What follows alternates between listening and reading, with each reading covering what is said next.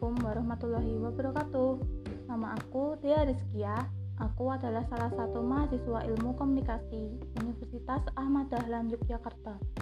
Di sini aku akan menjelaskan what are the seven traditions of communication theory atau apa saja tujuh tradisi dalam ilmu komunikasi. Sebelum itu, mari kita lihat akar masalah dari bahasan kita kali ini, yaitu komunikasi sebagai multidisiplin. Perdebatan panjang tentang studi komunikasi mempunyai sifat multidisiplin di awal perkembangan ilmu komunikasi sangat disadari bahwa mendapatkan keyakinan dan dukungan di antara ilmuwan komunikasi sendiri. Ilmu komunikasi adalah ilmu yang bersifat multidisiplin. Dalam buku Frank E. X. Dance berjudul Human Communication Theory Comparative Essays yang diterbitkan tahun 1982 Stephen Littlejohn menyebutkan bahwa studi komunikasi adalah studi yang interdisiplin atau multidisiplin. Kegalauan mengenai multidisiplin kajian komunikasi ini juga dirasakan oleh E. M. Griffin. Dalam bukunya A First Look at Communication Theory edisi keempat yang diterbitkan pada tahun 2000, Griffin mulai menyadari tentang keterbatasan dalam mengkaji teori komunikasi karena sifat multidisiplin ini. Griffin menyebutkan bahwa there is little discipline in our discipline.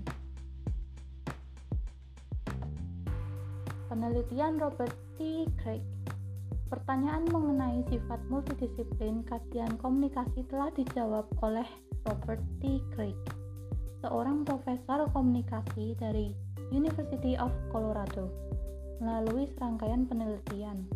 Craig mendapatkan data bahwa banyak sekali pendidikan tinggi yang menawarkan pendidikan komunikasi dan banyak sekali textbook yang membahas teori-teori komunikasi. Craig mengkritik bahwa berbagai teori yang diajarkan dari berbagai pendidikan telah berjalan sendiri-sendiri. Craig menyebutnya, there is no consensus on this field. Teori komunikasi sangat kaya dengan ide-ide, tetapi gagal dalam jumlah cakupannya. Teori komunikasi terus berkembang, tetapi belum memberikan pemahaman apa sesungguhnya teori komunikasi itu.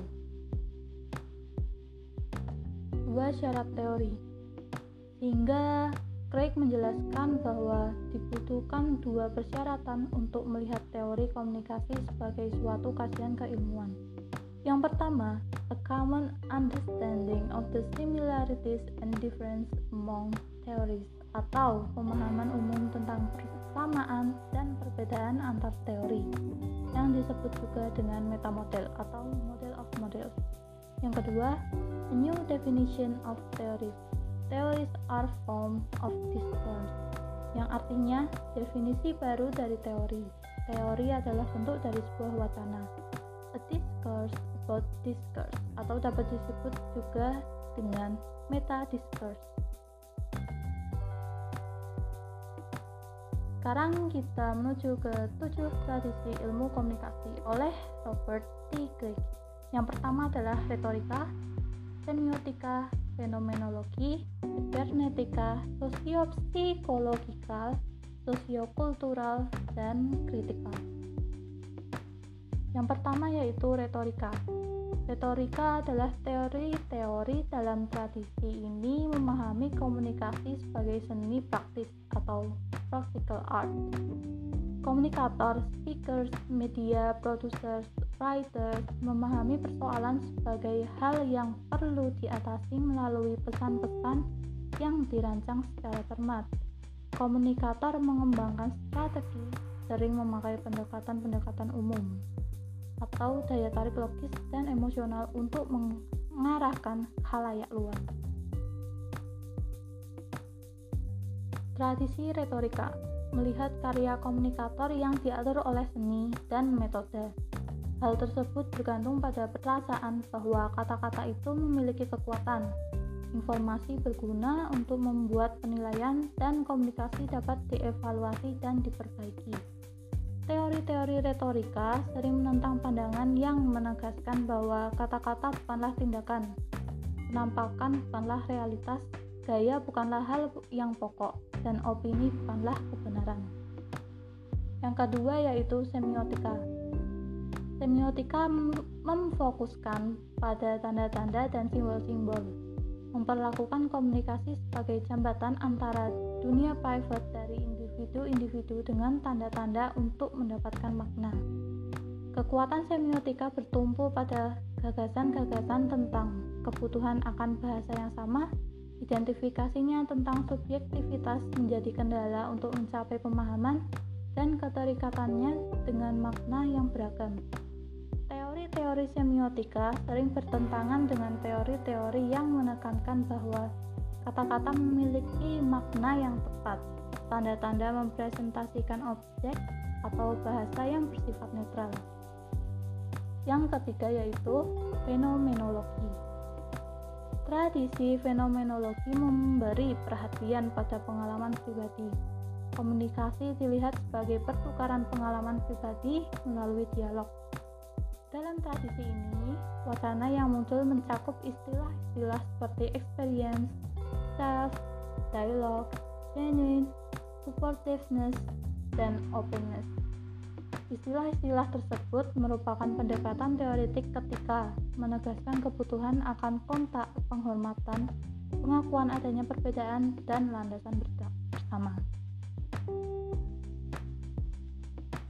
Yang keempat yaitu sibernetika. Sibernetika menjelaskan bahwa komunikasi dipahami sebagai kegiatan pemrosesan informasi dan persoalan-persoalan yang dihadapi dikaitkan dengan noise, overload, dan malfunction. Tradisi sibernetika menjadi gagasan yang bisa diterima secara logis ketika muncul isu-isu yang berkaitan dengan pikiran, rasionalitas, dan sistem yang kompleks. Secara umum, tradisi ini menentang argumen-argumen yang membuat perbedaan antara mesin dengan manusia atau mengasumsikan hubungan linier sebab akibat. Yang kelima yaitu sosio-psikologikal. Sosio-psikologikal memusatkan perhatian pada aspek-aspek komunikasi yang mencakup ekspresi, interaksi, dan pengaruh.